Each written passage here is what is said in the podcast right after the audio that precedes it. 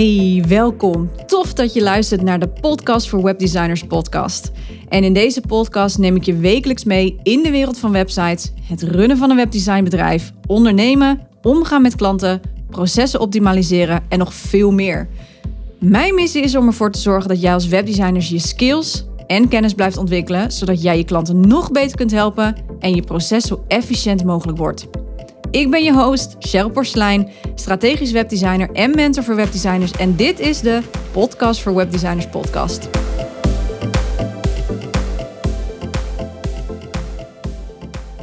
Ja, welkom bij een nieuwe aflevering van de Podcast voor Webdesigners podcast. En vandaag heb ik weer een hele speciale aflevering, want digitaal tegenover mij zit Adine Faber-Versluis, de Money Mind Academy van de Money Mind Academy en winnaar van Vrouw in de Media, in Friesland zelfs. Adine die zet zich in voor financiële bewustwording en vrijheid onder vrouwen en dat doet ze op een hele speciale manier, onder andere met human design en geldarchetypes, waar we het uiteraard zo uh, uitgebreid over gaan hebben.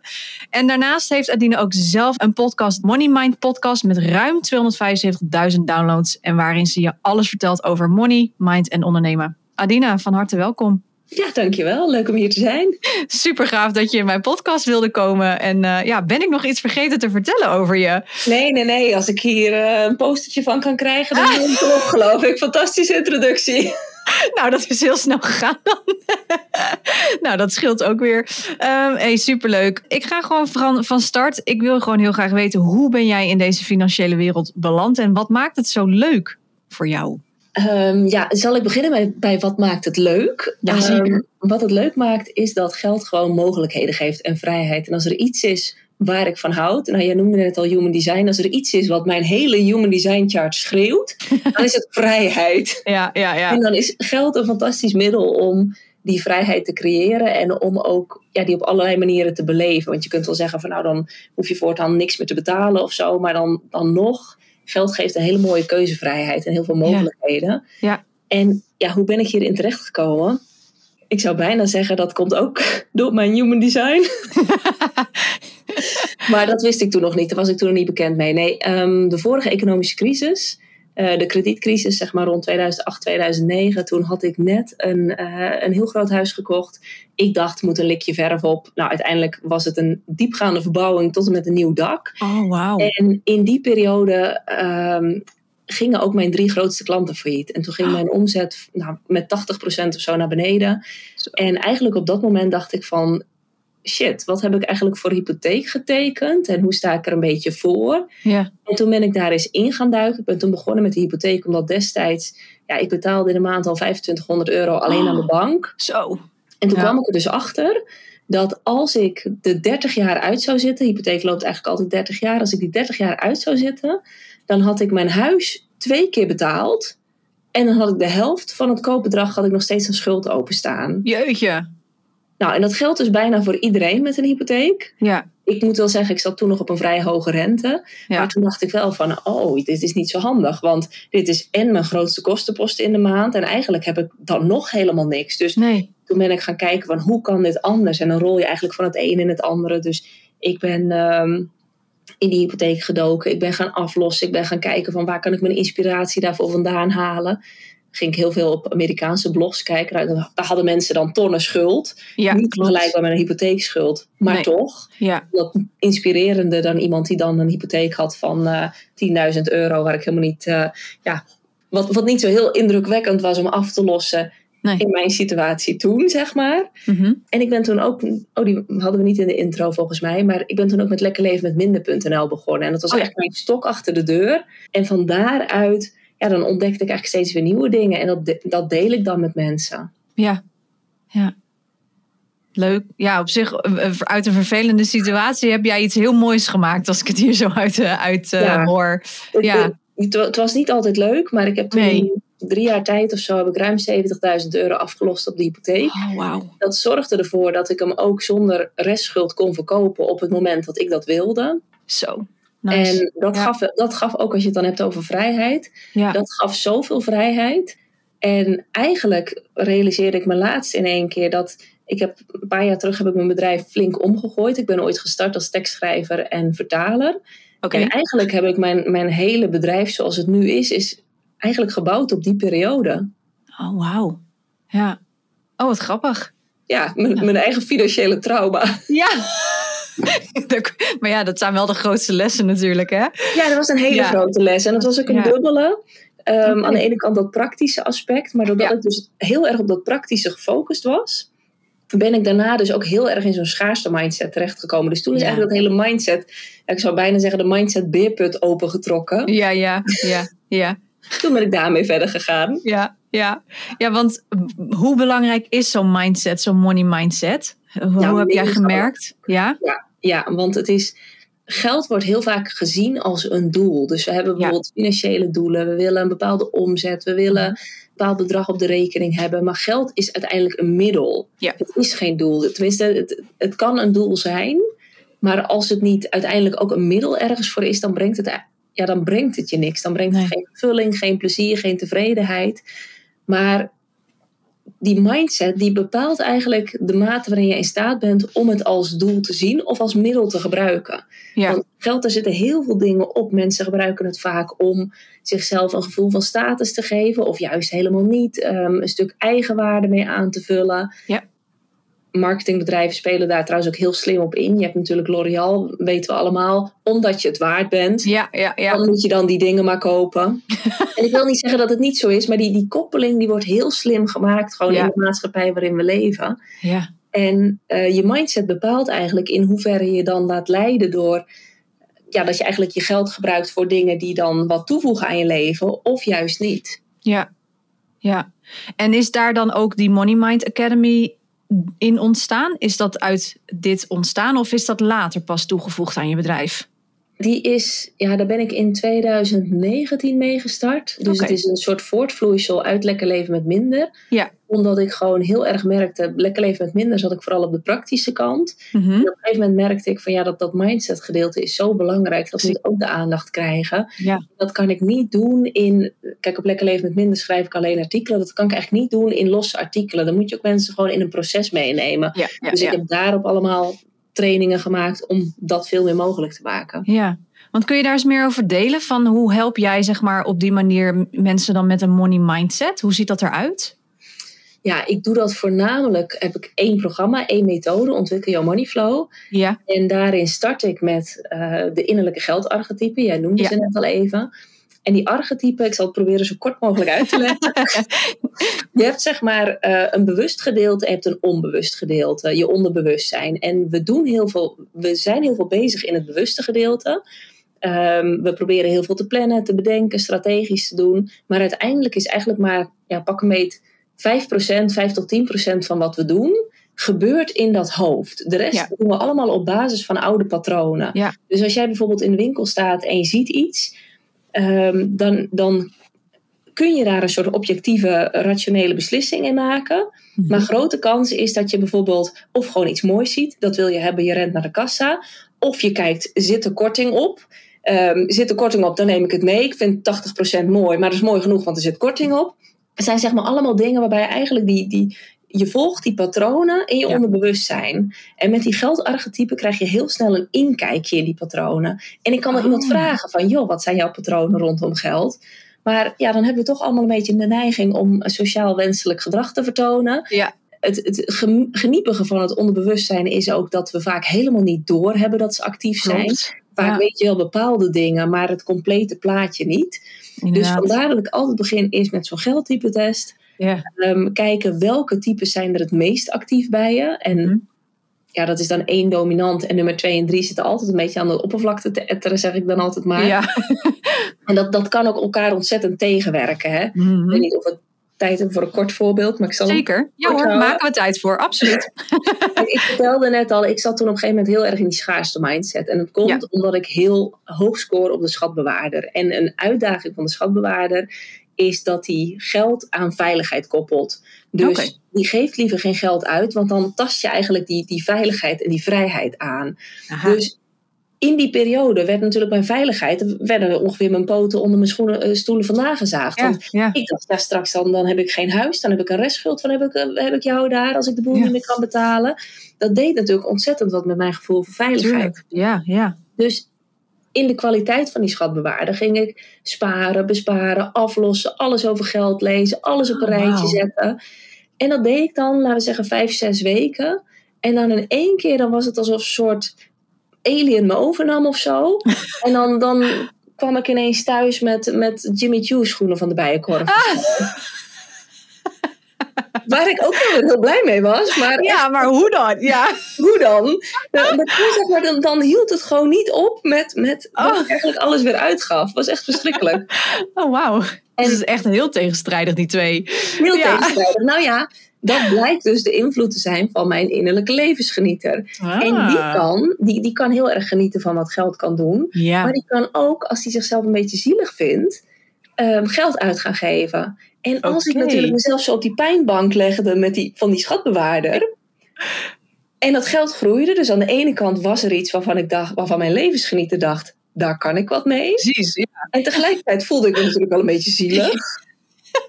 waarvan de levensgenieter dacht, jou moeten we troosten. Ja. Bij je korf. Precies, Jimmy Choo shoes now. Precies. Maar als je oh, dat niet weet, dan kan je het ook niet in balans brengen. Weet je, dan kan je het op een gegeven moment in balans gaan brengen. Ja. Want elk type, er is geen type goed of fout. Elk type heeft kwaliteiten, uitdagingen. Maar je moet ze gewoon even met elkaar in balans brengen. Dus dat is de start. Mm En van daaruit gaan we eigenlijk gewoon kijken naar hoe je omgaat met geld, hoe dat anders kan, welke verhalen je jezelf vertelt, um, op welke vlakken dat welke uitwerking heeft, dus zakelijk, privé. En dan ook bijvoorbeeld, nou zakelijk kan het zijn in het administratieve gedeelte, het kan ook zijn in je marketing, het kan zijn in je team, het kan op honderd vlakken zijn. Nou, niet honderd vlakken, we bespreken geloof ik zes vlakken of zo. Het kan op heel veel vlakken zijn in ieder geval. Ja. Zodat je daar ook andere keuzes in kunt maken. Dus we halen eigenlijk je geldverhalen die voor een groot gedeelte bepalen hoe jij er financieel voor staat, die halen we naar de oppervlakte. Mhm. Om daar vervolgens heel bewust gebruik van te gaan maken of andere keuzes in te gaan maken. Ja, mooi. Ja, dat uh, klinkt als een heel interessante manier om anders naar, je, naar jezelf in dat opzicht ook te kijken, denk ik. Absoluut. Ja. En hoe zit hier dan voor jou het human design stuk in verweven? Of is dat iets niet wat je juist in je Money Mind Academy nee, nee, Nee, nee, dat, dat zit er wel in. Dat komt dan later. Ehm, kijk, in de eerste instantie heb je dus het, het, stuk van dat geld met die overtuigingen. En dan op een gegeven moment moet je dat natuurlijk ook in de praktijk brengen. Dus mm -hmm. er ook van alles in om veel meer je praktische kennis aan te scherpen. Ja, precies. Maar je hebt ook nog de praktijk en de realiteit van energie. En ook van jouw specifieke energie. Dus waar ben jij goed in? Ben jij goed in nou, gewoon, gewoon heel veel productie draaien? Ben jij goed in veel meer het grote plaatje zien? Ben jij goed in, uh, ja, nou met marketing bijvoorbeeld doe je dan een podcast, doe je social media. Dat soort dingen, dat maakt allemaal weer verschil. Dus op het moment dat je het plaatje compleet hebt, kijk, ik geef wel tips over wat bijvoorbeeld goede businessmodellen zijn bij verschillende geldtypen. Ja. Maar het human design geeft eigenlijk nog een extra energetisch laagje mhm. van wat past dan bij jouw geldtype en wat past bij jou als persoon. Ja, precies. Ja, want stel dat uh, ik ben dan projector, zeg maar. Ik ben dus helemaal niet iemand die, nou ja, ik kan wel heel hard werken, maar die oorspronkelijk niet is gemaakt om 80 uur in de week te werken, of het even zo te noemen.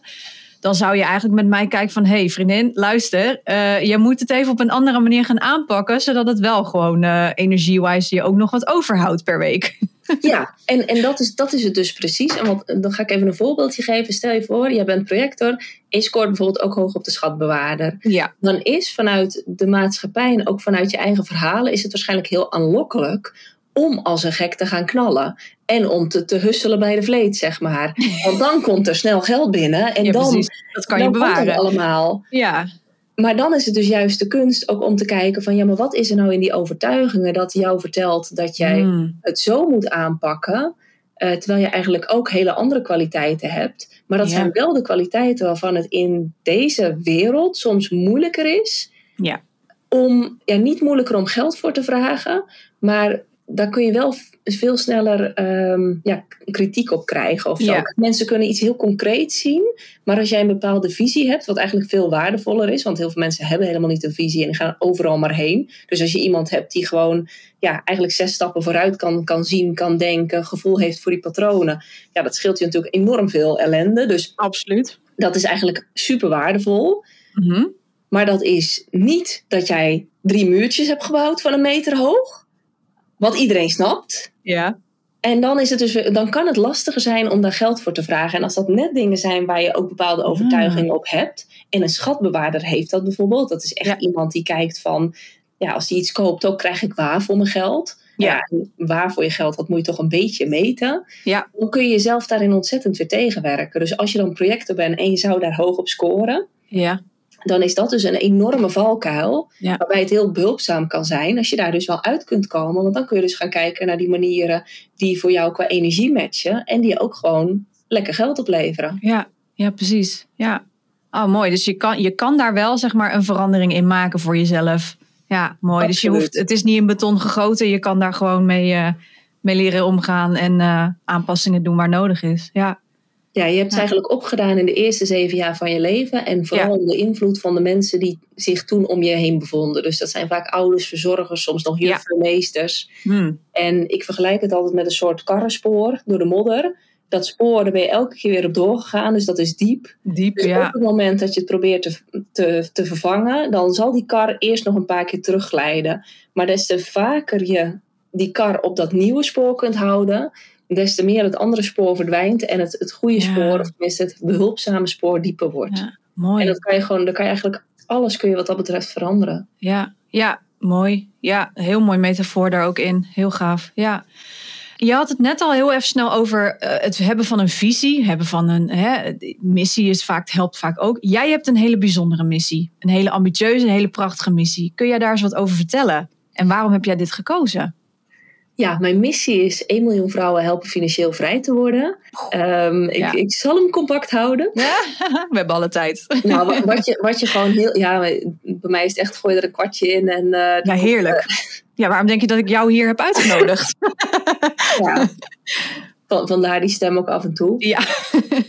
Nee, eh, als je zeg maar historisch kijkt, ik ga hem gewoon even heel plat slaan. Mhm. Geld vertaalt zich in de maatschappij zoals wij hem kennen. En of je dat nu pakt, of 50 jaar geleden of 150 jaar geleden. Mhm. Geld vertaalt zich in macht, in vrijheid, in de ruimte om persoonlijke beslissingen te nemen. Ja. En historisch gezien lopen vrouwen daar gewoon in achter. Die hebben niet die mogelijkheden gekregen. Die hebben ook, nu krijgen ze meer de mogelijkheden, pakken ze ze niet altijd, omdat die rolpatronen dusdanig ja, in de modder zijn gesleten, zou ik bijna zeggen. Die zijn Ja. zo ingebakken Mhm. dat daarin nog een hele grote slag te slaan is. Ja. En ik vind echt dat dat anders moet. Ik vind eh, om verschillende redenen. Ik vind dat er sowieso meer balans mag komen tussen mannen en vrouwen. Ja. Daarin speelt dat geld dus een belangrijke rol. Want zodra, zolang bijvoorbeeld vrouwenberoepen nog steeds veel minder betaald worden.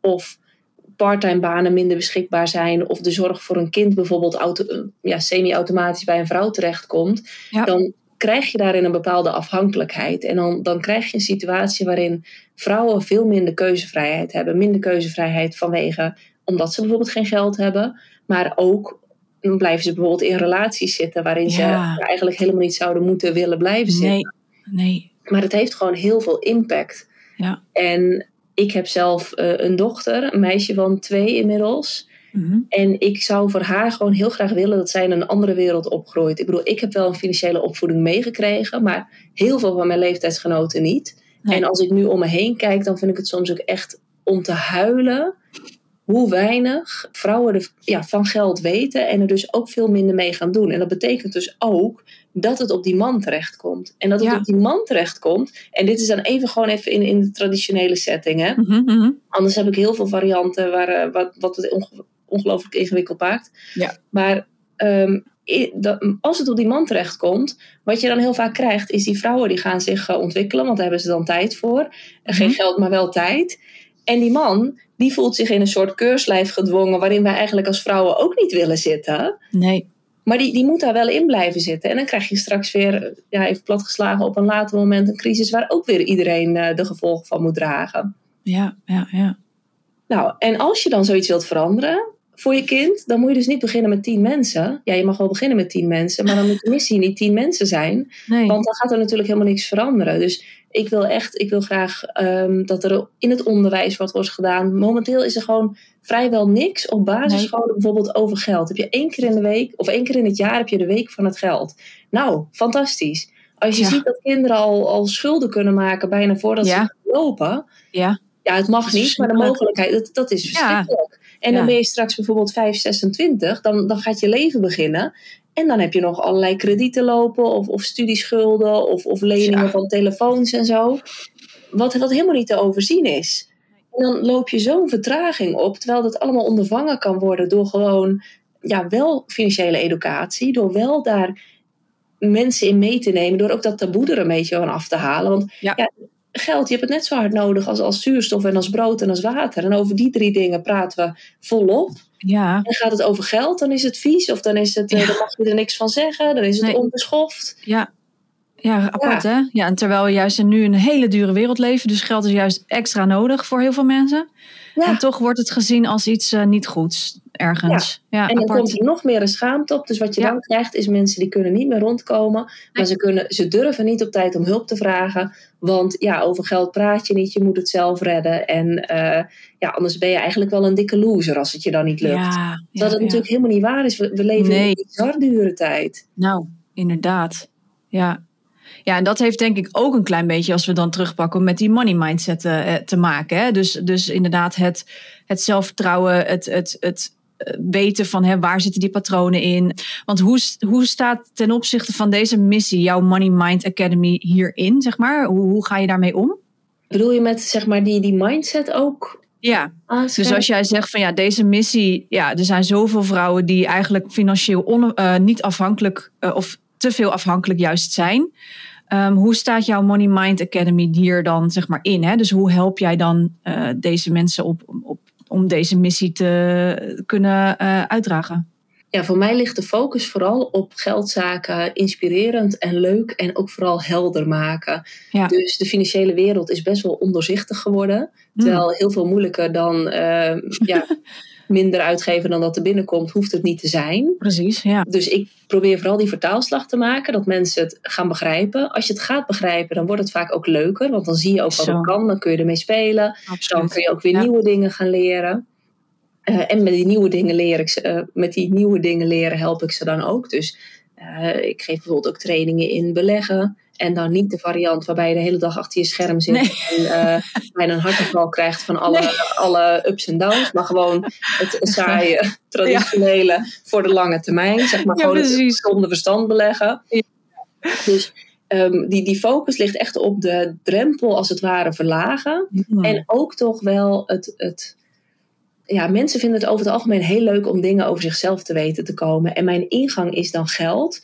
Maar die geldarchetype bijvoorbeeld, of human design, dat vertelt je heel veel over jezelf, wat je leven gewoon makkelijker maakt. Want als jij ja. weet waardoor je getriggerd wordt, of jij weet waar je sterk op reageert, of jij weet waar je misschien jezelf tegenhoudt, en je ziet uh, een beetje van een mogelijkheid om dat op te lossen. Ja, hoe fijn is het als je niet elke keer bijvoorbeeld in de stress schiet als je in de winkel loopt, of als je gewoon, als je iets leuks ziet, kunt denken van, nou, ik heb het geld, ik vind het leuk. Ik denk dat ik als ik hier elke dag naar kijk, dat ik super veel plezier van heb. Ik doe het gewoon, bijvoorbeeld. Ja. Of dat je uh, het geld hebt om onverwachte gebeurtenissen op te kunnen vangen. Hoe fijn is dat? Zeker. En als mensen dat steeds meer ook beseffen en dat, dat geld daarin, ja, dat is niet positief of negatief. Dat is gewoon een neutraal middel. En ja. als je dat kunt inzetten om je leven mooier te maken. En die was ik net nog even in de missie vergeten, maar dat is wel, vind ik ook nog wel een belangrijke um, zeker van het stukje vrouwen.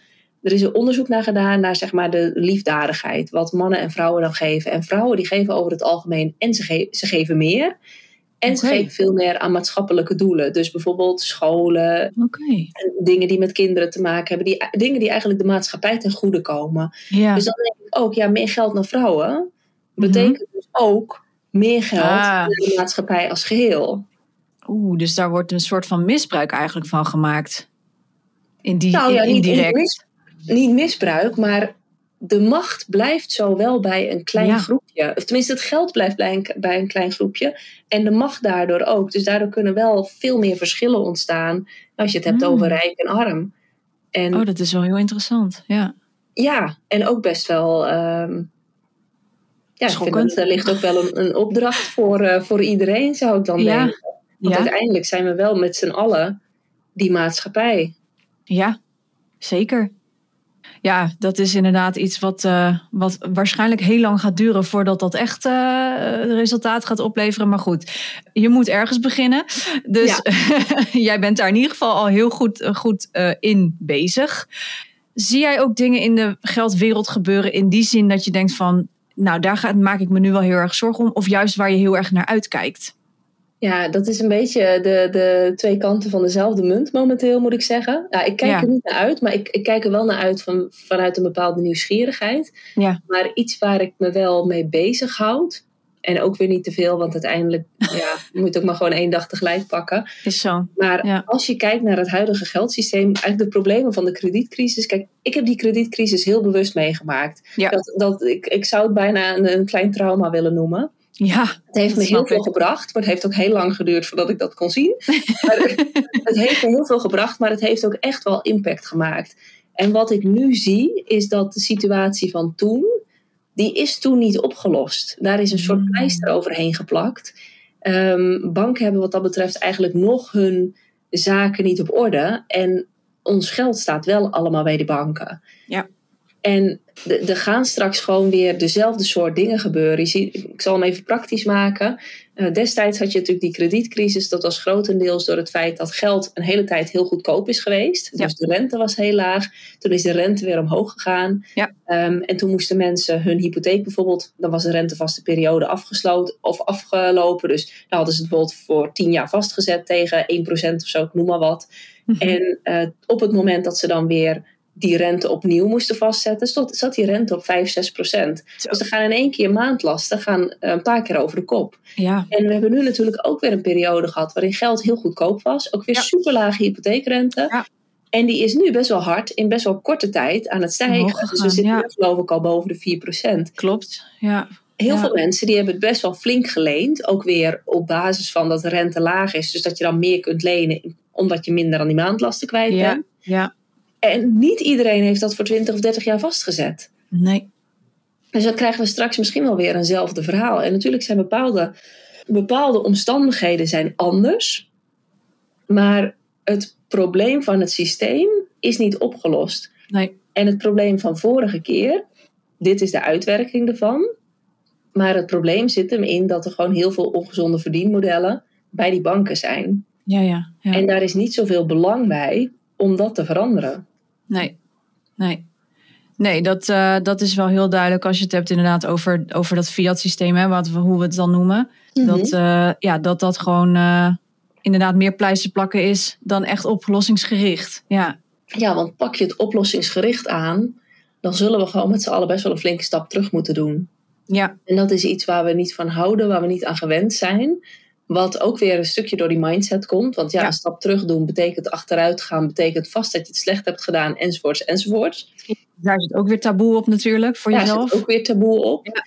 Maar dat is eigenlijk de enige manier. En we, we, willen, we willen dat gewoon niet. En het is niet alleen zeg maar dan mensen, maar ja, eigenlijk zouden bijvoorbeeld bedrijven of, of banken die gewoon niet presteren, die zich niet aan de regels houden of die niet eh, de voldoende reserves hebben.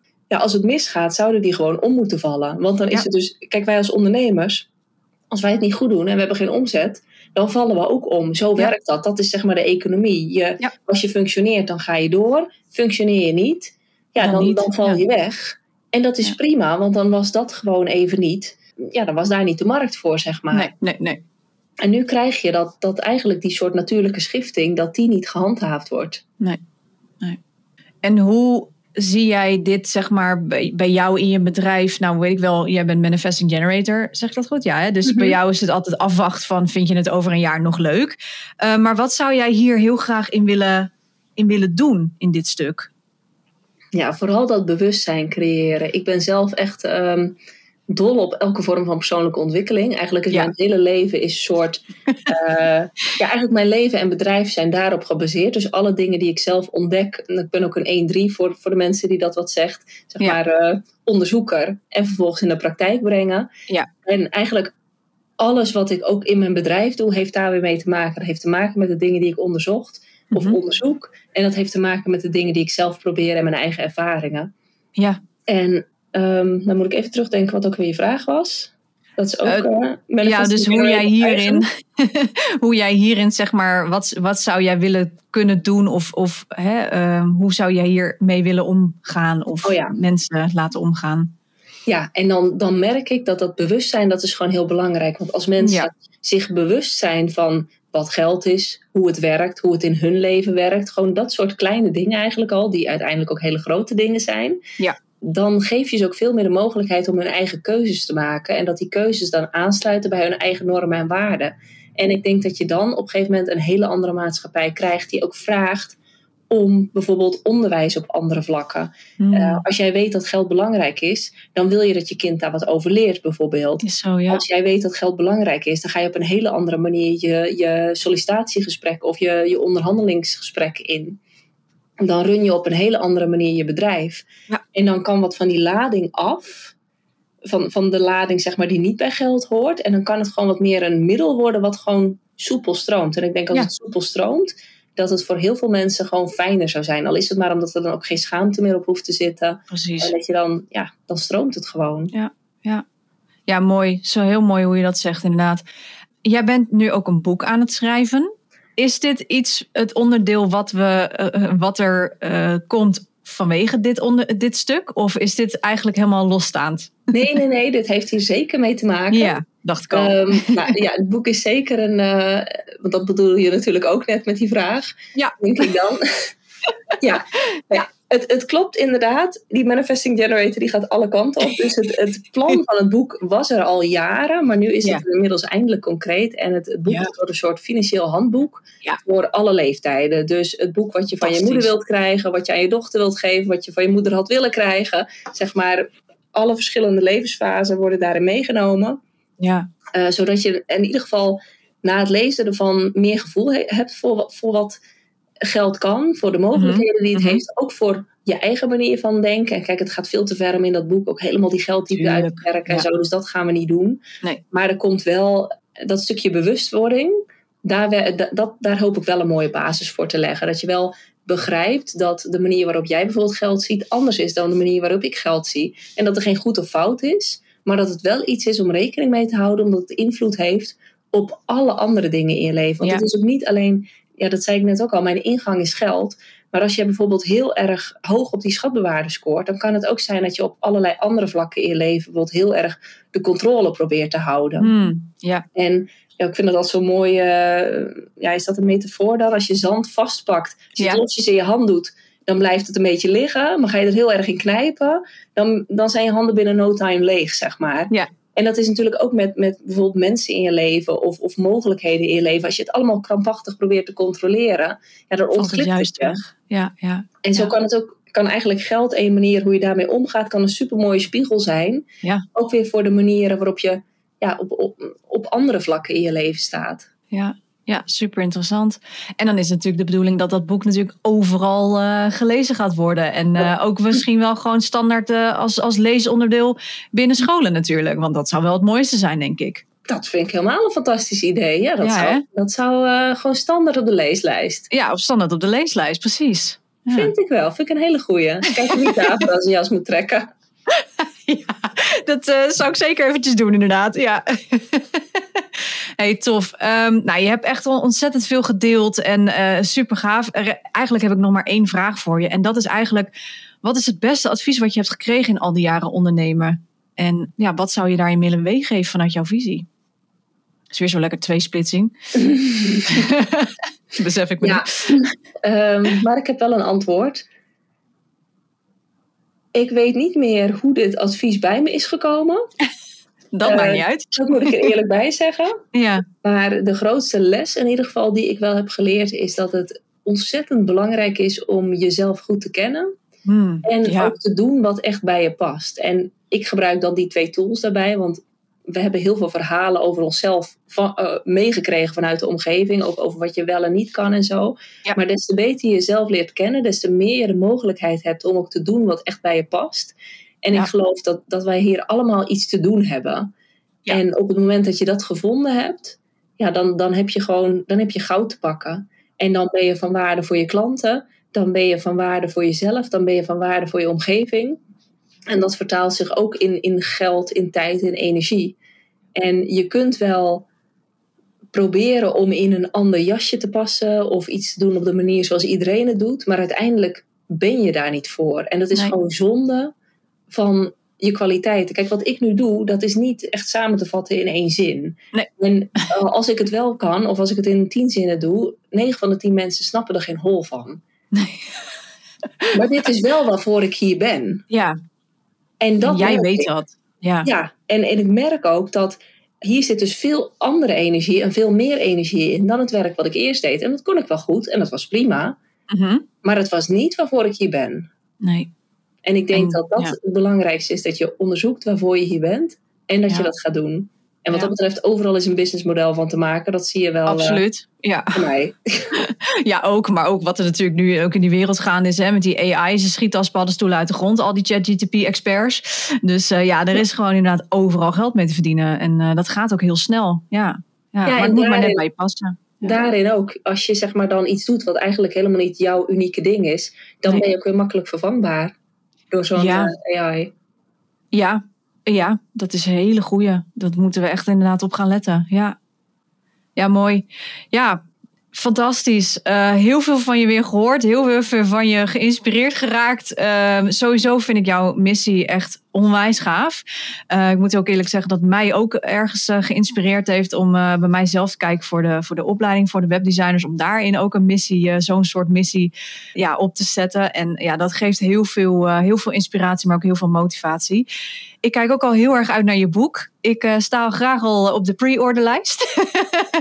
Eh, dus dat, sowieso. Ja, dat sowieso. Ehm, ja, en eh rest mij niks anders dan jou gewoon te bedanken. En, en nou, wij houden sowieso contact. Maar dank je wel voor dit fantastische verhaal. Ja, nou graag gedaan. En voor wie niet van boeken lezen houdt, in januari Oh ja. komt er ook, dan heb je de primeur. Oh. In januari komt er een card deck uit. Die wil ik ook alvast bij deze pre-orderen, Adina. Vertel daar nog heel even snel meer over wat die card deck precies inhoudt. Zijn Ja, dat, ik had ehm, het nog nergens verteld, want ik, Oh. had, eh, ik, ik, Mag moet het mijn wel? ik moet mijn contract vandaag nog tekenen of morgen. Oh. Maar pers van de pers. Eh, een card deck, money mindset geïnspireerd. Dus, eh, of tenminste, Ja. het gaat over money mindset. De geldtypes heb ik als inspiratie, maar die hoef je niet per se daarin te volgen. Ehm, ja, en gewoon echt manieren om geld anders te bekijken, Oh. om met je overtuigingen te werken. En ja, ik gebruik dat soort kaartensets heel graag gewoon Ja. voor dagelijkse inspiratie. Ik even ja. voor zo'n setje wat je nodig hebt. Dus Ja. zo eentje op het gebied van geld. Oh my Ehm, god. Ja. Op een positieve, heldere en inspirerende manier. Zou Ja, te eh, gek, ja. voor.